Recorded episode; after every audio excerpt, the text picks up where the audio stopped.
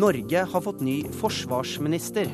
Vi spør henne om folk i Afghanistan bør frykte fremtiden, og om kjøpet av nye jagerfly kan bli nok en forsvarsskandale, slik flere eksperter hevder.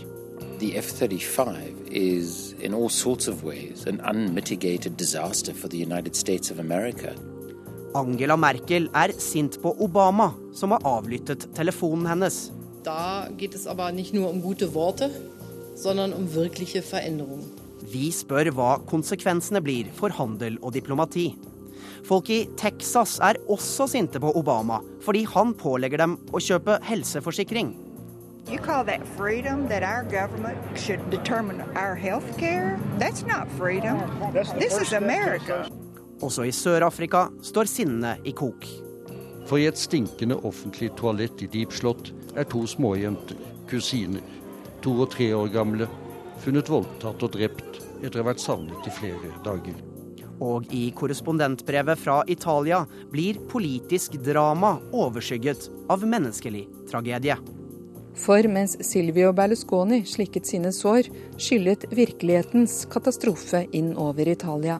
Den kom i en skrøpelig båt.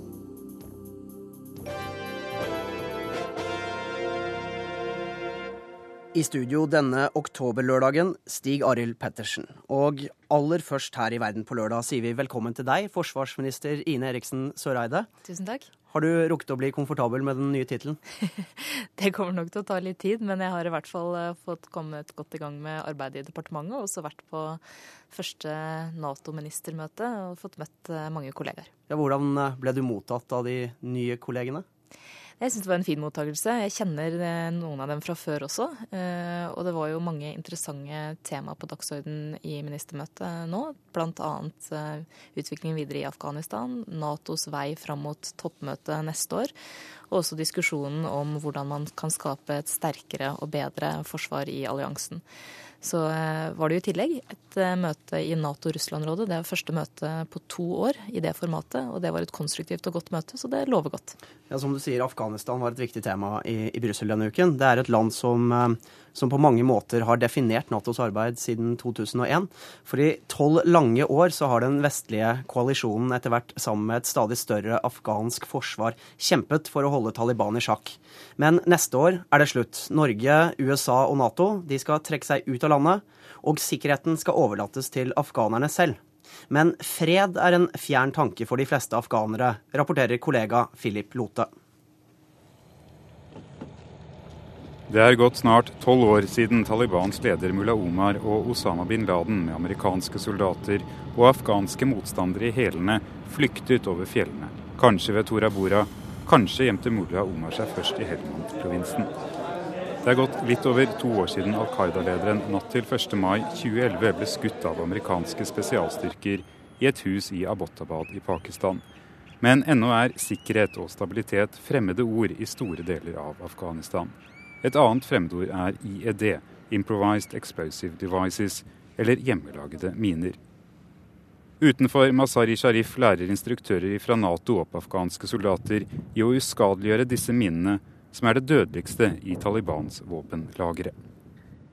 Since uh, Afghanistan has been to war for a couple of decades, there is plenty of unexploded ammunition, mines in this area.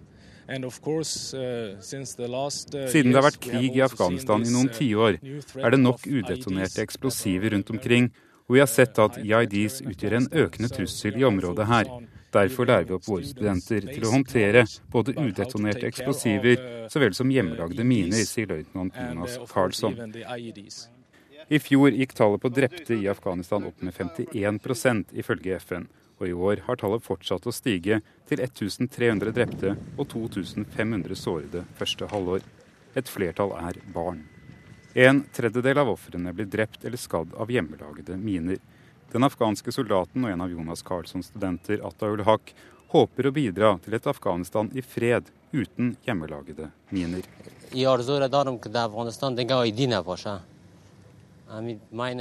Det er min ambisjon at en dag utgjør ikke hjemmelagde miner lenger noen trussel. Men de foreløpige erfaringene gir lite næring til soldatens håp. Av de 600 som har fått grunnleggende opplæring, Og de 400 som har fått videre spesialistopplæring, blir mange kun returnert til sin ordinære militære eller politienheter, og ikke til spesialiserte sprengstoffenheter. Noen velger også å desertere, et stort problem i Afghanistans samlede styrke av politi og hær på 350 000 mann. Ja, Flere desertører er vel det siste den afghanske hæren trenger i, i, det utfordrende året som står foran dem. Forsvarsminister Ine Eriksen Søreide. Hvordan skal det gå med Afghanistan når de vestlige styrkene trekker seg ut neste år? Jeg tror det er grunn til å være nøktern, for vi har nådd langt på mange områder. Men samtidig er det selvfølgelig mange utfordringer som gjenstår. Og etter 2014 så kommer jo Nato til å ta en enda tydeligere rolle med trening, mentorering, assistanse til sikkerhetsstyrkene. Så tilstedeværelse blir det, men altså ikke kampoperasjoner og ikke kamphandlinger. Nå er det jo fortsatt ikke bestemt nøyaktig hvilken form det skal ta. Innretninga er ganske klar, men formen er foreløpig ikke gitt. Og det er fordi at styrkebidragene ikke meldes inn før for det første, sikkerhetsavtalen mellom Afghanistan og USA er på plass. Det kommer nok til å skje rundt årsskiftet. Og så skal man da diskutere hva de enkelte Nato-land skal bidra med etter det. Men jeg er litt opptatt av å understreke at Nato er mer enn Afghanistan. Eh, og det er helt åpenbart at Afghanistan-operasjonen har vært veldig krevende for Nato i mange år.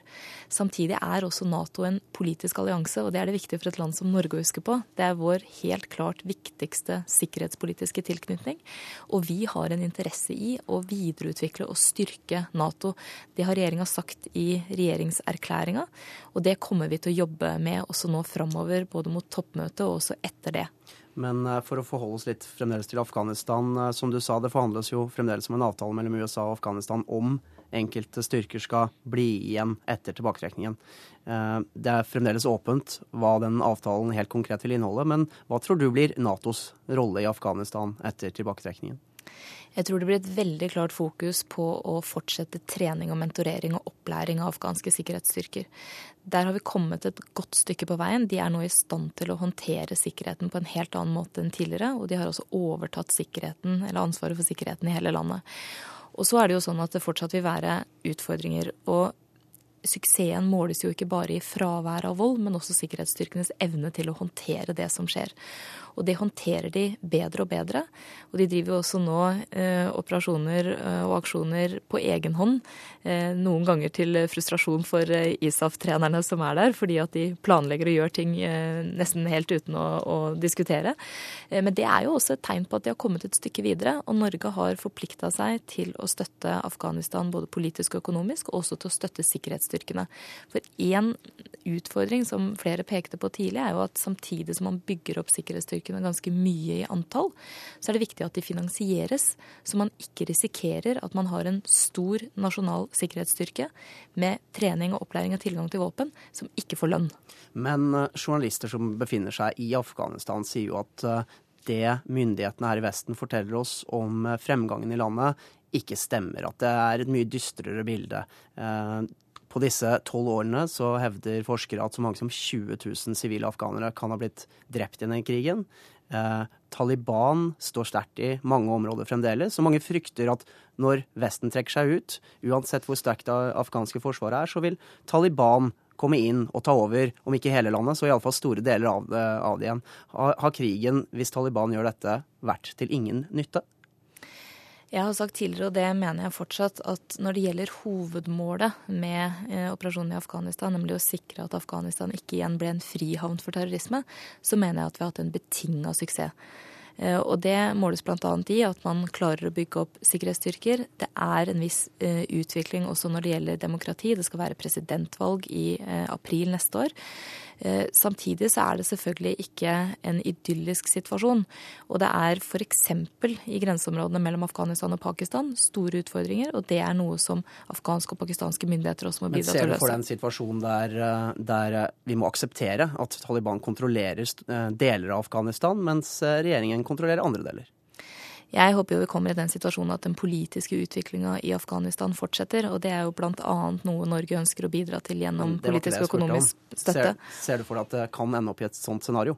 Altså, Jeg ser ikke for meg at det skal ende opp i et sånt scenario, og jeg håper at vi unngår det. Men man kan selvfølgelig aldri garantere hvordan utviklinga i et annet land kommer til å være i åra framover. Det er altså USA som er den store nøkkelrollespilleren i Afghanistan. Og vi skal holde oss til vårt eh, forhold til USA, for Norge skal kjøpe opptil 52 F-35 kampfly fra den amerikanske produsenten Lockheed Martin, etter en avtale som dine forgjengere inngikk med, med det selskapet.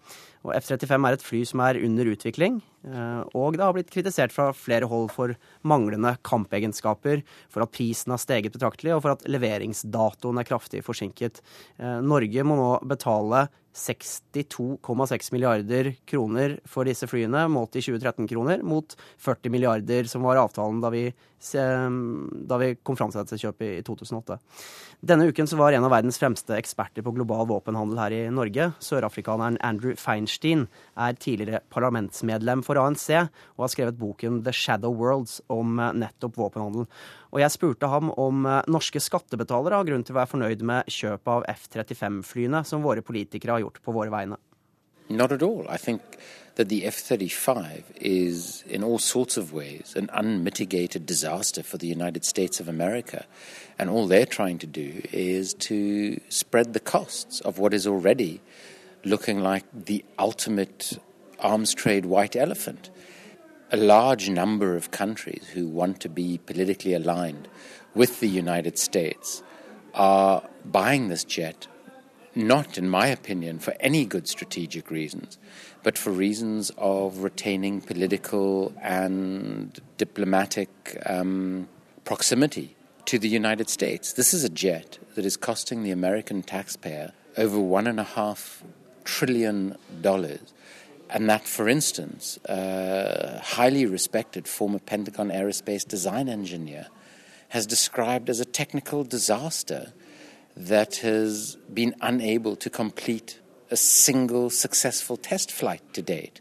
As a Norwegian citizen and taxpayer, you have huge questions to ask of your political leadership as to why this jet fighter is being purchased, what its purpose is, whether that purpose is likely ever to be achieved in any way that justifies the exorbitant cost of it.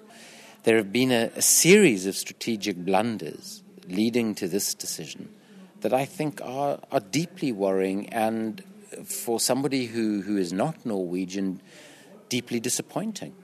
Kraftig kost fra Andrew Feinstein. F-35 er en uforbeholden katastrofe.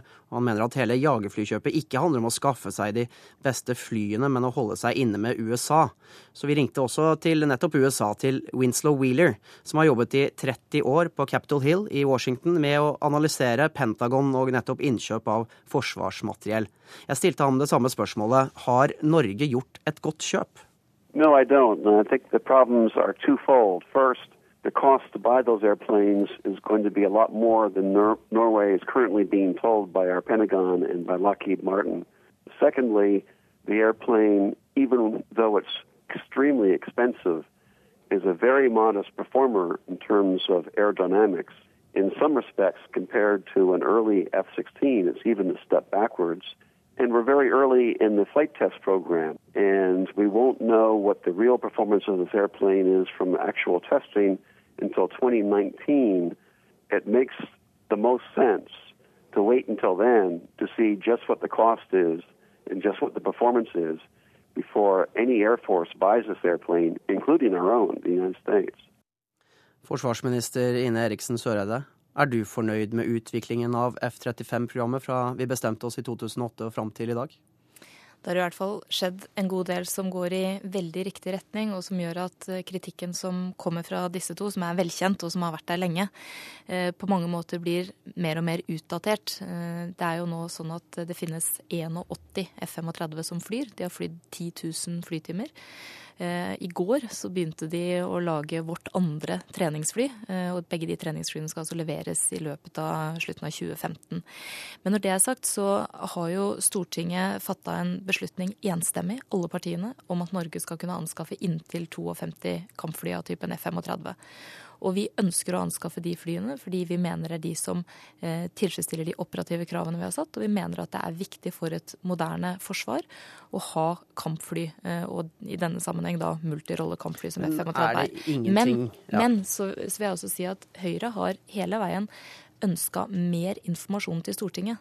Og det har handla om eh, å finne, finne, svar på uh, prisspørsmålet, det at det har vært forsinkelser, det at det har vært utviklingsproblemer når det gjelder teknologi.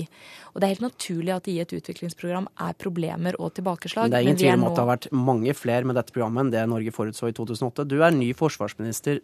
Er ikke det en mulighet til å se på dette med nye øyne? Er det ingenting ved det programmet her som gjør at du syns vi burde revurdere Eh, F-35-kjøpet. Det ble foreslått her. Vent til 2019. Da er testene ferdig. Eh, da kan du se hva slags fly du kjøper. Hvorfor eh, faktisk kjøpe da skinnet før bjørnen er skutt? Det er tre momenter med det. For det første så er det sånn at våre F-16 begynner å bli gamle, og vi er avhengig av å få innfasa nye fly, sånn at vi kan overta eh, og ha kampflykapasitet eh, så å si hele veien. Det andre poenget som er viktig å understreke, er at uansett om Norge i dag skulle bestemme seg for å plutselig kjøpe andre fly, så måtte det også være å inngå i et utviklingsprogram og egentlig begynne litt på nytt uh, i forhold til det vi har i dag. Så det vil altså ta lang tid. Og for det tredje så er det altså per nå ingen informasjon som tyder på at det går i feil retning når det gjelder prisspørsmålet, teknologiutvikling og også leveringstid. Men, blir, men kan du eh, si hva dere er eh, villige til å betale for dette flyet? Hva er maksprisen for Norge? Fordi som vi hører ekspertene sier, prisen kommer til å stige. Det må vi forberede oss på. Hva er dere villige til å betale for disse 52 eh, jagerflyene? Altså Den prisen som nå ligger på bordet, er, det vi, er det vi, beregner med, og det har Stortinget gjort hele veien. Og Blir det mer enn det, så men det er altså ingen av disse såkalte ekspertene heller som har noe regnestykke på hvordan dette bildet vil se ut. Nå ser vi at flere land bestiller, og vi ser at det nå er bestilt drøyt 3000 fly. og Det betyr at utviklingskostnader og kjøpskostnader altså blir fordelt på langt flere fly enn ethvert annet program som per i dag eh, ser ut til å være til stede. Um, ja. Du har altså stilt eh, spørsmål ved dette tidligere i Stortinget. Um, og Forsvaret bekymrer seg for at, um, at uh, kostnadene for F-35-programmet kan gå utover andre aktiviteter som Forsvaret må drive med for å beskytte landet vårt. Uh, det har du også stilt spørsmål ved. Hva tenker du nå som forsvarsminister? Nei, og Dette er jo et uh, punkt som vi også tok opp i uh, regjeringserklæringa. Uh, og diskusjonen om at det må finnes en balanse mellom kostnader, drift, utvikling av én kapasitet, som kampfly er, og alt det andre Forsvaret skal drive med. Og Det handler både om kjøpesum, men det handler selvfølgelig om levetidskostnader og det å drifte. Men jeg mener at vi per i dag har et regnestykke som gjør at, i alle fall ut fra det vi vet i dag, kampflyene ikke vil bli dyrere enn det som nå ligger på bordet. Takk for at du kom til Verden på lørdag, forsvarsminister Ine Eriksen Søreide. Takk.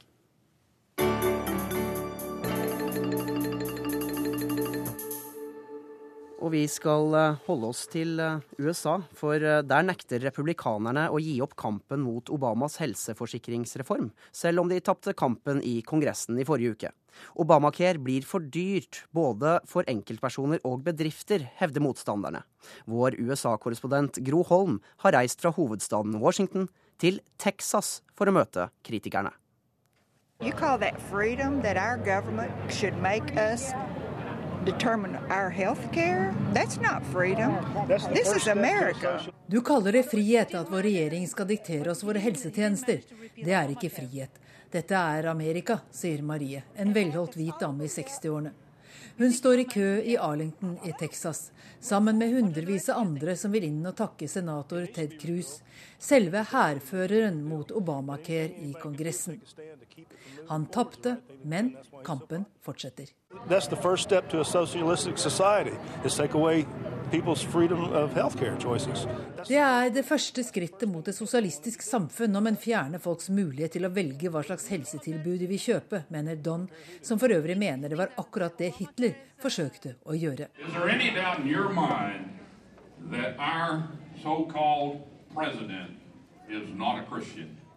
I halvmørket inne i salen holder en radiovert på med å varme opp med å fortelle at Obama ikke kan være kristen, fordi han vil frata amerikanerne deres konstitusjonelle rett til å bære våpen. Folk jubler. De fleste tilhører høyresiden, den såkalte Tea Party-fraksjonen i det republikanske partiet. De hater Obamacare, som sier at alle må skaffe seg helseforsikring innen 1.4 neste år, eller betale bøter. 50 millioner amerikanere har ingen form for forsikring, og målet er at flertallet skal inn i ordningen.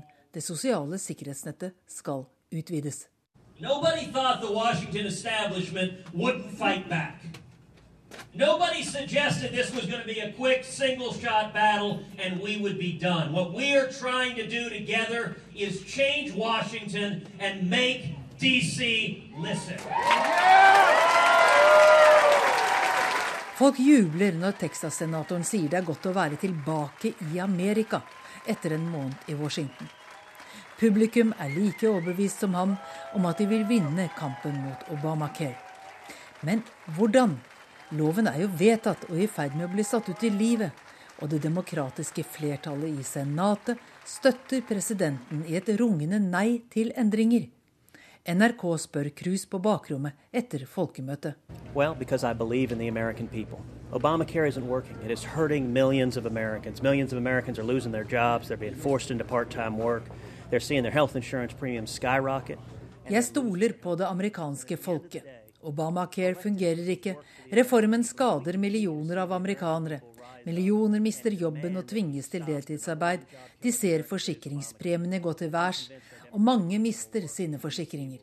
Til slutt vil de folkevalgte i DC innse at vi må stoppe loven, sier senator Cruz. Det finnes ingen offisiell statistikk som bekrefter påstanden om at millioner har mistet jobben.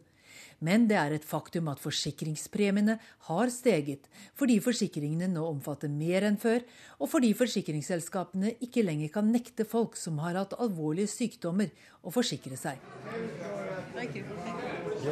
Jeg oppsøker en klinikk for fattige og hjemløse, der alle ansatte jobber gratis, og utgiftene dekkes av veldedighet.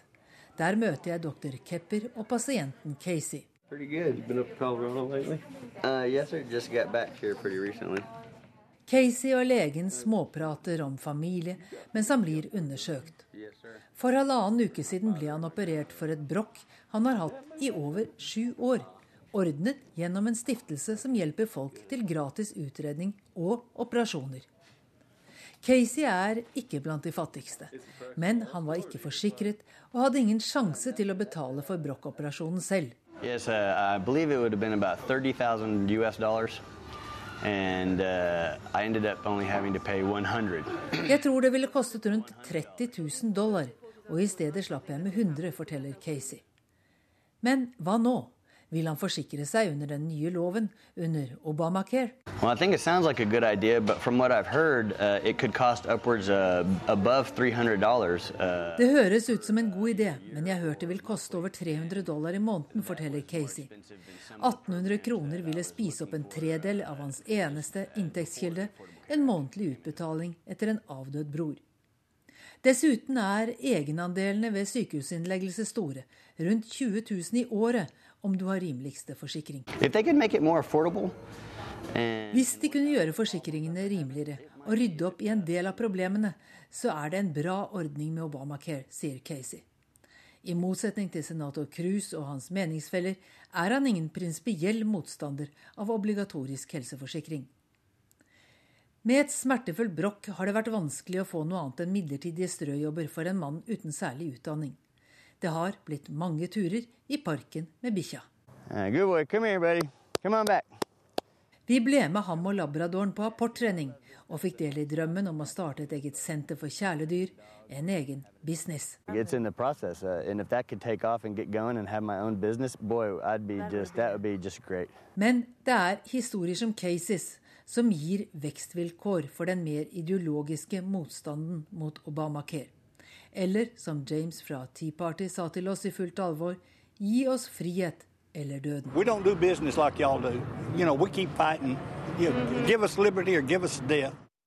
Og det var altså USA-korrespondent Gro Holm som hadde vært i Texas. Og i Kaukasus er det nettopp en partner av USA, Georgia, som har presidentvalg i morgen. Statsminister Bidzina Ivanashvili, som i praksis feide president Mihail Saakashvili ut av politikken etter fjorårets parlamentsvalg, insisterer på at han selv vil gå av. Men Ivanishvili har ordnet forholdet til Russland etter krigen som EU mener Saakashvili startet i august 2008. Og overfor NRK fastholder han at fjellandet Georgia i Kaukasus vil fortsette sin proeuropeiske kurs.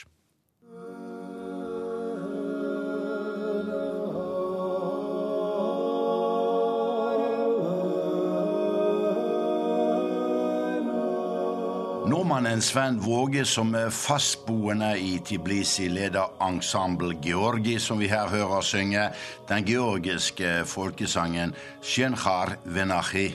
Eh, min kone er poet, hun er maler, jeg synger. Eh, vi har etablert vårt eh, familiefirma Cultural Travel Georgia, hvor vi da tar med gjester overalt rundt i Georgia, med fokus på den tradisjonelle georgiske kulturen. Sven, er det en sammenheng mellom folkesjel og dramatisk natur? Jeg tror det. Og eh, jeg syns jeg ser det her i Georgia. På samme måte som det er ekstremt fascinerende hvordan, hvordan naturen endrer seg over korte avstander. Her i Georgia så har du jo fire av fem klimasoner fra det arktiske til det subtropiske. Og på samme måte så vil du se veldige eh, eh, forskjeller i de eh, personlige karakterene, avhengig av hvor du er. Altså Georgiere er jo kjent for å være ekstremt gjestfrie og ekstremt åpne. Og det er de selvfølgelig overalt. Men kommer du f.eks. opp til fjellområdene, der hvor vi reiste sammen opp mot Stepansminda, så vil du samtidig se at folkene de er preget av den tøffe hverdagen, de er preget av naturen. Og de er preget på en måte av det som naturen krever fra dem for at de skal kunne overleve.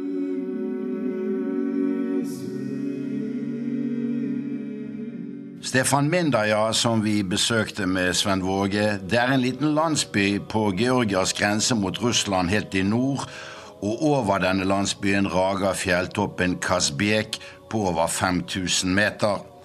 40 km unna mot nord ligger den store russiske byen Vladikavkaz, hovedstaden i Nord-Ossetia.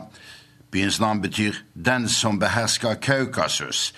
Strid om Sør-Ossetia, som lå i Georgia, fikk Georgias forrige president Mikhail Saakashvili til å åpne ild mot russerne i august 2008, ifølge EUs undersøkelseskommisjon. Dette kostet den proamerikanske presidenten Saakashvili makten i fjor høst ved parlamentsvalget. Mangemilliardæren Bidzina Ivanishvili med en formue som er større enn Georgias bruttonasjonalprodukt, vant suverent. Han ble statsminister, og med stor støtte i lokalbefolkningen, særlig i nord, ordnet han forholdet til Russland, som alltid har vært marked for bøndene i Georgia. Nå insisterer Georgias statsminister på at han går av etter presidentvalget i morgen, men han sier til NRK at den provestlige kursen mot Den europeiske union ligger fast.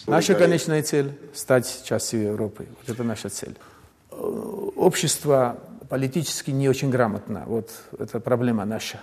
Это самое сложное. Vårt endelige mål er å bli en del av Europa. Samfunnet vårt er ikke veldig politisk opplyst, og det er vårt grunnleggende problem. Det er det aller viktigste og det vanskeligste, for utviklingen i Georgia gikk slik at vi er lavtstående målt mot europeisk mentalitet, sier Georgias avgående statsminister i Tbilisi til NRK. Быстро так не получается, сами понимаете, знаете, что европейцы столетия потратили. Я надеюсь быстрее, потому что Европа ближе, мы учимся у Европы. Fort går det ikke, for vi mistet jo et europeisk århundre. Men jeg håper det skal gå fortere nå, for vi lærer av Europa som er nær oss. Så jeg håper altså utviklingen skal gå raskere enn det gjorde til nå. Det kreves imidlertid tid. Men om tre-fire år tror jeg dere vil se forskjellen, sier mangemilliardæren som har vært statsminister siden september i fjor her i Tiblisi. Betsina Ivanishvili går altså av, sier han, for å fjerne enhver anklage om at han klamrer seg til makten. Mens hans personlige popularitet har vært så stor, så kan den sittende regjeringen få et popularitetsproblem uten ham etter presidentvalget i morgen. Men Georgia skuer også til Ukraina, som vil inngå assosieringsavtale med EU om en måned i Vilnius. Og uansett blir Georgias neste president bare et symbolsk statsoverhode. Hans-Wilhelm Steinfeld, Tbilisi, Georgia. Vi er allerede halvveis i dagens Verden på lørdag, og vi tar for oss ukens store sak. Vi skal selvsagt da til Tyskland. Der har påstanden om avlytting av Angela Merkels telefon blitt møtt med sjokk, sinne og skuffelse. Og det hele det politiske miljøet krever nå at alle fakta i saken skal legges på bordet. Men Merkel selv får også kritikk. Arnt Stefansen har sendt oss denne reportasjen fra Berlin. Guten Abend, meine sehr geehrten Damen und Herren. Ich habe Det er en av de svarteste stunder i forholdet mellom Tyskland og USA på lenge. Den tyske utenriksministeren Guido Westerwelle orienterer pressen etter at han torsdag ettermiddag kalte inn USAs ambassadør her i Berlin på teppet. En enestående hendelse i tysk-amerikansk diplomati. Das Abhören von engsten Partnern Das ist für uns in keiner Weise akzeptabel. Das befremdet uns zutiefst. Avlytting av nære allierte er for oss på ingen måte akseptabelt, sier den tyske utenriksministeren. Det skaper dyp avstand mellom oss, og det er respektløst. Hvis man stoler på en annen, avlytter man ikke vedkommende. Og hvis man likevel gjør det, er det en belastning på vennskapet, sier Guido Westerwelle, som understreker at han har kalt USAs ambassadør inn fordi den tyske regjeringen har god grunn til å tro at Angela Merkels mobiltelefon er blitt avlyttet. NSA, das steht für National Security Agency, det er opprør i det politiske miljøet her i Tyskland etter at nyheten ble kjent onsdag kveld om at forbundskansler Angela Merkels tjenestetelefon er blitt avlyttet av den amerikanske etterretningsorganisasjonen NSA. President Barack Obama benektet i en telefonsamtale med Merkel at hennes telefon blir eller vil bli avlyttet. Men amerikanerne vil ikke si hva som har skjedd i fortiden. Lederen for det tyske parlamentets kontrollkomité for de hemmelige tjenestene, Thomas Oppermann, kommenterer saken slik.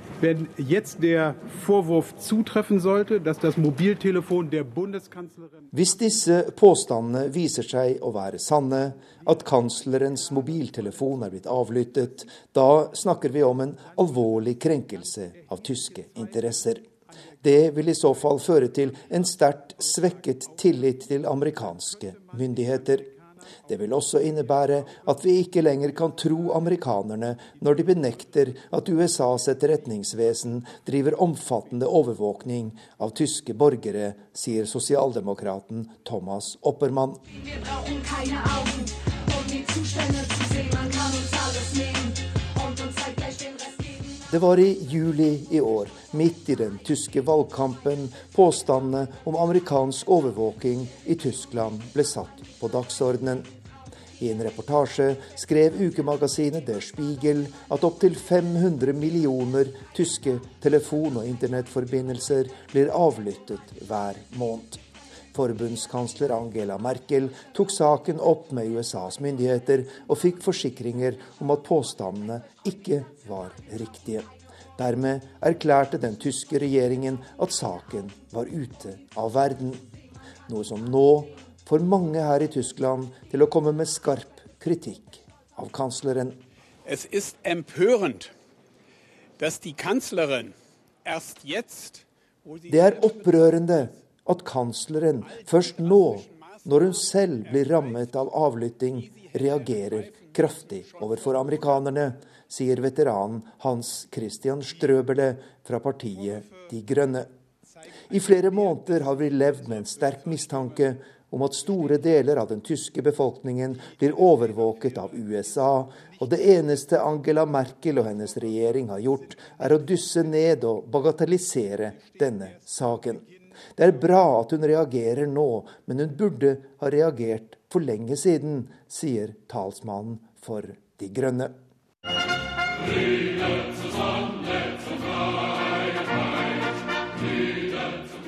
Det er ingen tilfeldighet at nettopp tyskerne reagerer så sterkt på USAs overvåkning. Mange har erfaringene med den østtyske sikkerhetstjenesten Stasi i friskt minne. Og noen tiår tilbake i historien ligger nazidiktaturet og dets totale kontroll over menneskers handlinger og tanker. For dem som frigjorde seg fra DDR-diktaturet, er det som skjer i dagens Tyskland et gigantisk paradoks, sier professor Edda Müller i Transparency International. Die Menschen äh, in Ostdeutschland damals waren auf die Straße gegangen. Da ging es nicht. Da menneskene i Øst-Tyskland gikk ut i gatene for å fjerne kommunistdiktaturet, var det ikke for å få en høyere levestandard, men for å kunne leve et liv i frihet og demokrati. At nettopp disse menneskene nå igjen opplever en storebror som ser og hører det de foretar seg, er noe av det mest tragiske med den amerikanske spionasjeskandalen her i Tyskland, sier professor Edda Müller i Transparency International. Ja, og vi har med oss eh, Halvard Leira, seniorforsker ved Norsk utenrikspolitisk institutt. Avlytting mellom nære venner og allierte helt opp på toppnivå, Leira. Er du overrasket? Ja, jeg er egentlig det. Um, ut fra en overvåkningslogikk så burde man kanskje ikke være det, fordi overvåkning vil jo ha så mye informasjon som mulig. Men ut fra en politisk logikk, når vi ser de reaksjonene som kommer nå, så er jeg litt overrasket over at de faktisk har gått så langt. Merkel og Hollande, Frankrike, Frankrikes president altså, sier de vil reforhandle en samarbeidsavtale mellom deres egne og amerikansk etterretning. Og på mandag så reiser en EU-delegasjon til Washington for å få svar på hva som egentlig har skjedd. Tror du de vil få svar på alle spørsmålene sine? Nei, det tror jeg ikke. Det ligger på en måte ikke i overvåkningens natur at man forteller alt. Nei, og, og, Hva slags reaksjon tror du kommer fra europeerne på det? Jeg vil tro at man på et eller annet tidspunkt her bestemmer seg for at man har sagt fra nok. Altså USA og Europa trenger hverandre. Og eh, Tyskland og Frankrike er nære allierte av USA. Så på et eller annet tidspunkt så tror jeg at man bestemmer seg for at man nå har sagt fra tydelig nok. Mm, for, og sier seg fornøyd med de svarene man har fått. Det, det britiske tidsskriftet The Economist de skrev i går en artikkel med tittelen 'Controlled Anger', altså kontrollert sinne. At Merkel og Hollande pustet og peset, men, eh, men, de var ikke i nærheten av å, av å, blåse ned huset. Er du overrasket over hvor besinnet den europeiske reaksjonen egentlig er? Altså i reaksjonsform, selv om det kommer en del sterke ord? Nei, det er ikke igjen. Dette her er Eh, snakk om svært nære allierte. Jeg tror ikke Norge ville reagert veldig mye mer dramatisk heller, for å si det sånn. USA er veldig viktig for disse landene. Eh, men samtidig kan du snu på det og si at det er jo veldig sterke ord som kommer. Ja. ja. Amerikanerne de har jo ikke benektet eksplisitt at de har gjort dette. De har sagt at de ikke finner sted nå, og at de ikke kommer til å finne sted i fremtiden. Eh, men president Obamas talsmann han innrømmer jo at dette kan ha konsekvenser for USAs forhold til bl.a. Tyskland og Frankrike. There is no question that these revelations have caused uh, tensions in some of our relationships, and those relationships are very important to the United States and to the American people, to our economy and to our security. Leira, hvor, eh, hvor flaue er disse avsløringene for eh, USA og for Obama? Ja, De er flaue, det er nå én ting, men som talsmannen påpeker her, så kan det jo ha reelle konsekvenser. Altså Når Tyskland og Frankrike vil begynne å reforhandle avtaler om informasjonsutveksling, så er det én ting. Men det er noen, snakk om noen, noen mulige eh, konsekvenser for Amerika, USAs image og standing på, på mellomlang og kanskje lengre sikt, som jo er veldig viktige. Altså hvis, hvis folk ikke lenger tror de kan stole på at amerikanerne forhandler med åpne kort, at eller tror at amerikanerne kikker dem i kortene, så kan det bli veldig mye vanskeligere for USA å få igjennom forhandlinger og avtaler selv med vennlige stater. og Det er jo ikke noe godt utgangspunkt for å få til ting. da. Ja, og En spesielt vennlig stat er jo Storbritannia. og De, de befinner seg i noe beklemt situasjon nå. Under EU-toppmøtet i Brussel eh, så måtte jo Cameron signere på en felles uttalelse som kritiserte avlyttingen. Men det betyr jo at han samtidig kritiserer sin egen etterretning, for de jobber jo svært tett med amerikanerne om overvåkning. Eh, men Cameron selv hadde dette å si om avsløringene til den spionettersøkte Edward Snowden. What Snowden is doing, and to an extent what the newspapers are doing in helping him doing what he's doing, is frankly signaling to people uh, who mean to do us harm how to evade and avoid um, intelligence and, and, and, and uh, surveillance and other techniques. Cameron er også mer sint på Edward Snowden og avisene som avslører overvåkningen, enn han er på USA-leira. Er Storbritannia EUs eh, sorte får også i den saken her? Nei, ikke egentlig. Storbritannia befinner seg som du sier, i en mellomposisjon. Men samtidig så har jo Cameron på ett nivå rett i det han sier. Altså for statsmakten som skal forsøke å sikre sine borgere, så er det dumt at Snowdens eh, avsløringer kommer. Så det er klart at De kommer og avslører en del ting som er veldig ubehagelig Eh, for forskjellige stater. Mm. Både de statene som har avlyttet og de som har blitt avlyttet. Eh, men jeg tror ikke veldig godt som kaller Storbritannia det sorte fåret, nei. Takk skal du ha for at du var med i Verden på lørdag, seniorforsker ved NUPI, Halvard Leira.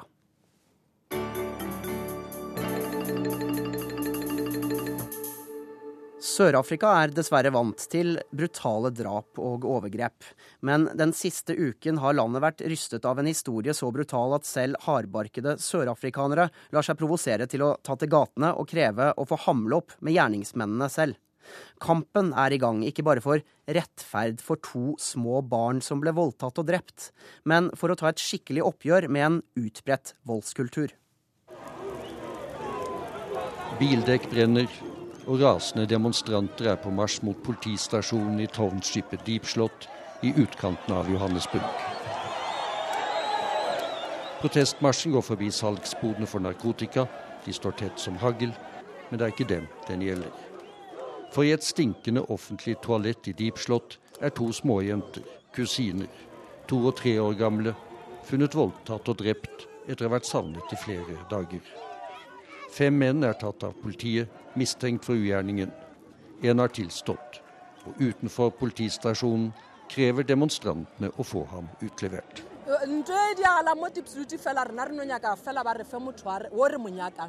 Vi er her fordi vi vil ha tak i ham, sier Patti Cooper, en av naboene til de drepte småjentene. Vi er ikke her for å slåss, vi vil bare ha tak i ham.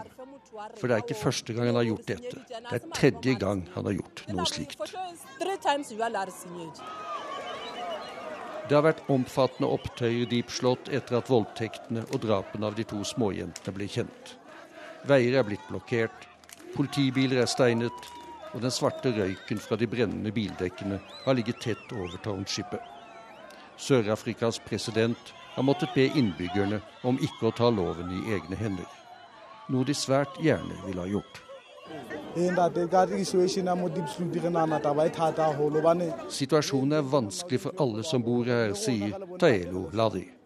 Som fedre i dette lokalsamfunnet er vi rystet over hva denne mannen har drevet med. Vi har også døtre, så politiet burde overlate ham til oss, sånn at også vi kan få stilt ham noen alvorlige spørsmål. Sorg, sang og gråt. Store skarer følger de to småjentene til graven i Deep Voldtektene, lemlestelsen og drapene av dem har sjokkert hele Sør-Afrika, som ellers har et skyhøyt antall av voldtekter. Nærmere 60 000 blir meldt til politiet hvert år, mens mørketallene, tilfellene som ikke blir meldt, antas å være ti ganger større. Og det er ikke første gang små jenter blir voldtatt. I et land der hiv og aids florerer, har mange menn fått det for seg at de kan bli kvitt sykdommen om de forgriper seg på små barn. For ti år siden rapporterte sørafrikanske medier at en åtte måneder gammel baby var blitt lemlestet og drept etter å ha blitt utsatt for en massevoldtekt av fire hivsmittede menn. Nå vil rettssakene mot de fem mistenkte i Deepslott kaste lys over denne grusomme misforståelsen, som også er utbredt i Zambia, Zimbabwe og Nigeria. I townshipet utenfor Johannesburg håper nå beboerne at de fem vil få den straffen de fortjener. Vi må også være representert under rettssaken, sier Robert Ballari. Vi ønsker å være med, slik at rettferdigheten seirer. Det fortalte Afrikakorrespondent Lars Sigurd Sunnanå. Og vi skal til Egypt, der den koptiske kirken igjen blir, blir, angrepet. Etter at de militære avsatte den demokratisk valgte presidenten i sommer, har Egypts kristne fått unngjelde. Utenfor Jomfru Maria-kirken i Kairo er stemningen opphetet. Det er første gang noe sånt skjer her. De som angriper og skyter folk i et bryllup, mangler humanitet, sier Same Samir, som bor like ved kirken i Warak-området i Kairo. Målet til gjerningsmennene, tror han, er å skape kaos i Egypt. Vi er redde. Vi frykter flere angrep. Disse terroristgruppene som angriper militæret og politiet, ja, de vender seg nå mot oss kristne. Og dette er bare begynnelsen, tror presten i den koptiske kirken, som heter Elia Labib. Inne i kirken er menigheten samlet til bønn. De som blir ofre for noens raseri og hat, skal minnes. Den yngste ble bare åtte år gammel. Livet ble ikke lettere for kopterne da revolusjonen brakte Det muslimske brorskapet til makten. Mohammed Morsi ble demokratisk valgt til Egypts femte president i juni 2012. Siden brorskapet hadde levd under jorden, forbudt som islamistbevegelsen var under president Mubarak, hadde de liten erfaring med å styre et land. Uroen fortsatte, og folk flest fikk det ikke bedre økonomisk. I sommer gikk general Abdul al-Sisi til verks og fjernet muslimbrødrenes lovlige valgte president. Islamistene ble rasende og forskanset seg i en protestleir. Sikkerhetsstyrkene gikk inn i leiren og fjernet Morsis tilhengere med rå makt. Rundt 600 demonstranter ble skutt og drept. Etter den blodige ryddingen av protestleiren 14.8 ser det ut til at frustrerte grupper lar sitt sinne gå utover Egypts kristne minoritet, kopterne som teller ca. åtte av Egypts 80 millioner innbyggere for ifølge Amnesty International har antall angrep mot kristne økt kraftig siden august i år. Etter dette har 43 kirker blitt skadd som følge av hærverk og brann, og minst 200 eiendommer som tilhører kristne, har vært angrepet. Denne forbrytelsen ble sannsynligvis planlagt av Det muslimske brorskapet for å hevne seg på sikkerhetsstyrkene og de som står bak kuppet mot president Morsi og de som nå har forbudt brorskapet. Det tror den egyptiske journalisten Fatih al-Sayeh. Hensikten med angrepet mot bryllupet er å spre frykt, slik at ingen egypter føler seg trygg lenger, mener han. Den koptiske presten Daoud Ibrahim mener på sin side at de kristne ikke har noen fiender i Egypt.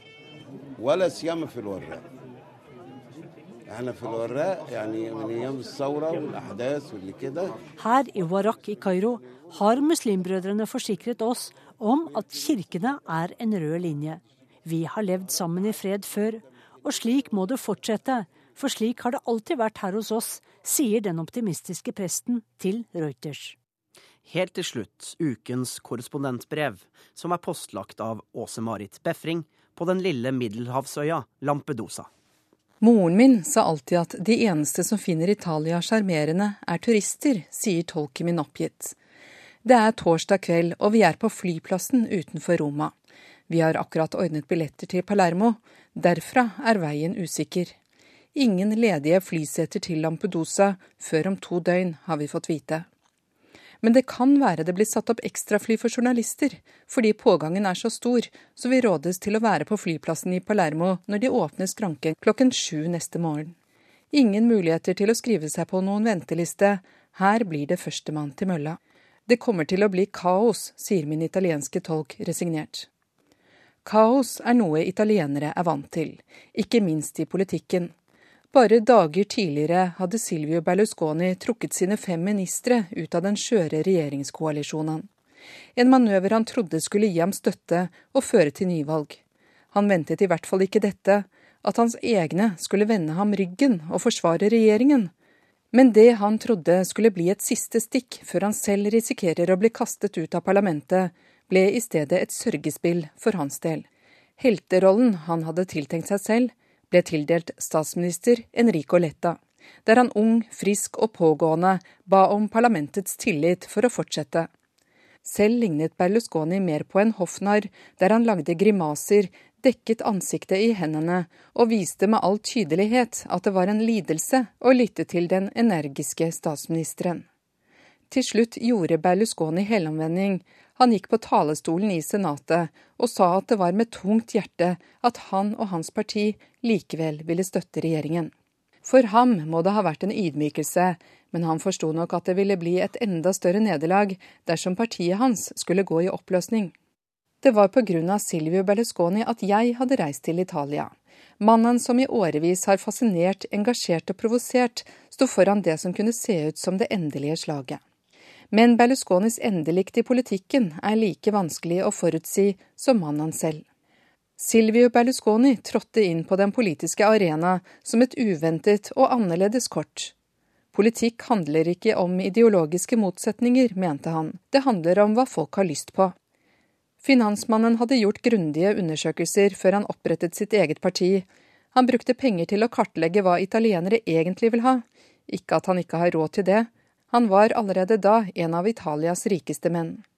Logikken på hvordan å drive politikk hentet han også fra markedsføringen. Den som er flinkest til å selge produktet, vinner. Produktet het Silvio Berlusconi, tidligere støvsugeselger, nattklubbsanger, men nå, i 1993, en mediemogul og storinvestor. Og hans beste kort var å spille på at han var en politiker som ikke var politiker. Så hvorfor ville han egentlig inn i politikken da? Forfatter og filosof Simen Ekern skriver i boka Berlusconis Italia at det nok også var et trekk for å få tryggere grunn under føttene. Noen dommere som etterforsket kreativ regnskapsføring og bestikkelser, hadde begynt å kikke forretningsmannen nærmere i kortene. Så, med kampropet Heia Italia som partinavn, hyppige TV-opptredener, og der han solgte ideen om at politikk også kunne være en lek, havnet Berlusconi i regjering bare måneder senere. Det varte ikke lenge den første gangen. Mistanken om tidligere finansielle krumspring innhentet ham, og da etterforskerne ble for nærgående, sa de andre partiene i regjeringskoalisjonen takk for seg. Det skulle bli den første i en lang rekke siktelser om skatteunndragelse, svindel, bestikkelser, regnskapsjuks, korrupsjon og sex med mindreårige.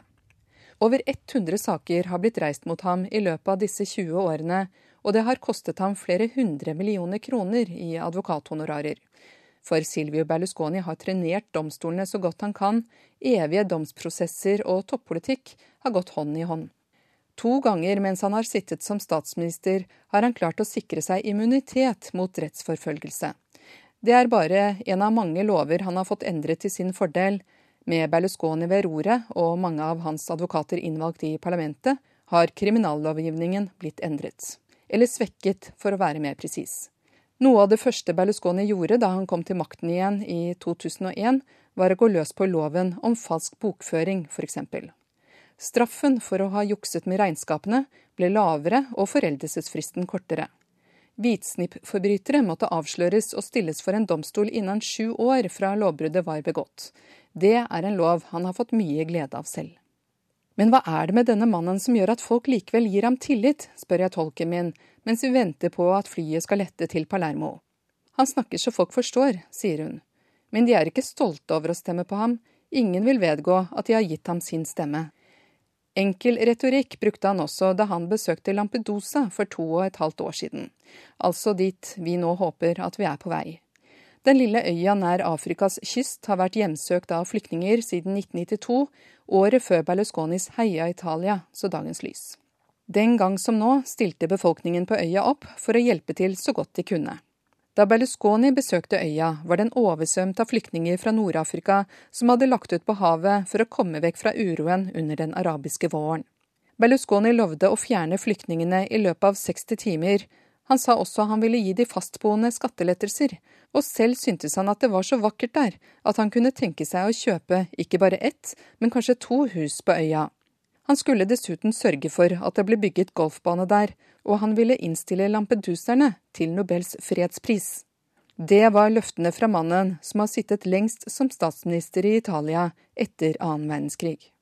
Klokken har så vidt passert seks når vi er på flyplassen i Palermo. Innen sju er køen av journalister lang. En time senere går vi om bord i et lite fly med kurs for den vulkanske øya Lampedusa. For mens Silvio Berlusconi slikket sine sår, og Enrico Letta pustet lettet ut etter å ha reddet regjeringen, skyllet virkelighetens katastrofe inn over Italia. Den kom i en skrøpelig båt. Over 500 mennesker var nesten ved målet da ulykken skjedde. Dette er hva overlevende forteller. Klokken 3.30 torsdag morgen Motoren stanser, og menneskesmuglerne ber alle om å holde seg i ro til det blir lyst. 4.30. Et fiskefartøy nærmer seg, sirkler rundt båten og forsvinner igjen. Like etter kommer enda en båt, men heller ikke den kommer dem til unnsetning. Flyktningbåten har begynt å ta inn vann, forteller noen av de overlevende. Dagslyset kommer, ingenting skjer. Det er da den tunisiske menneskesmugleren tenner på tepper for å sende ut signal. Men brannen kommer ut av kontroll, og alle løper til den samme siden av båten, som kantrer. Mange, trolig halvparten av dem som var om bord, blir fanget inne i båten når den synker. Klokken 6.20 den første alarmtelefonen til redningstjenesten fra frivillige som er på vei ut til ulykkesstedet. De har hørt hjerteskjærende skrik. Det var grusomt å høre på, det var mennesker med dødsangst, forteller en dame til meg senere. Klokken 8.00 Søket etter flere overlevende avsluttes. Flyktningene hadde valgt den eneste farbare vei over havet. De kunne ikke velge fly som jeg. Idet vi skal lande, skuer jeg utover den lille øya. Den er ikke større enn at du kan se hele fra ganske lav høyde. Vel nede på bakken slår en kvalmende, søtlig lukt mot oss. Den kommer fra flyhangaren, der mange av de omkomne ligger under presenninger i påvente av kister fra fastlandet. Kanskje ulykken kunne vært unngått. Italias strenge innvandrerlov sier at det er forbudt å hjelpe illegale innvandrere.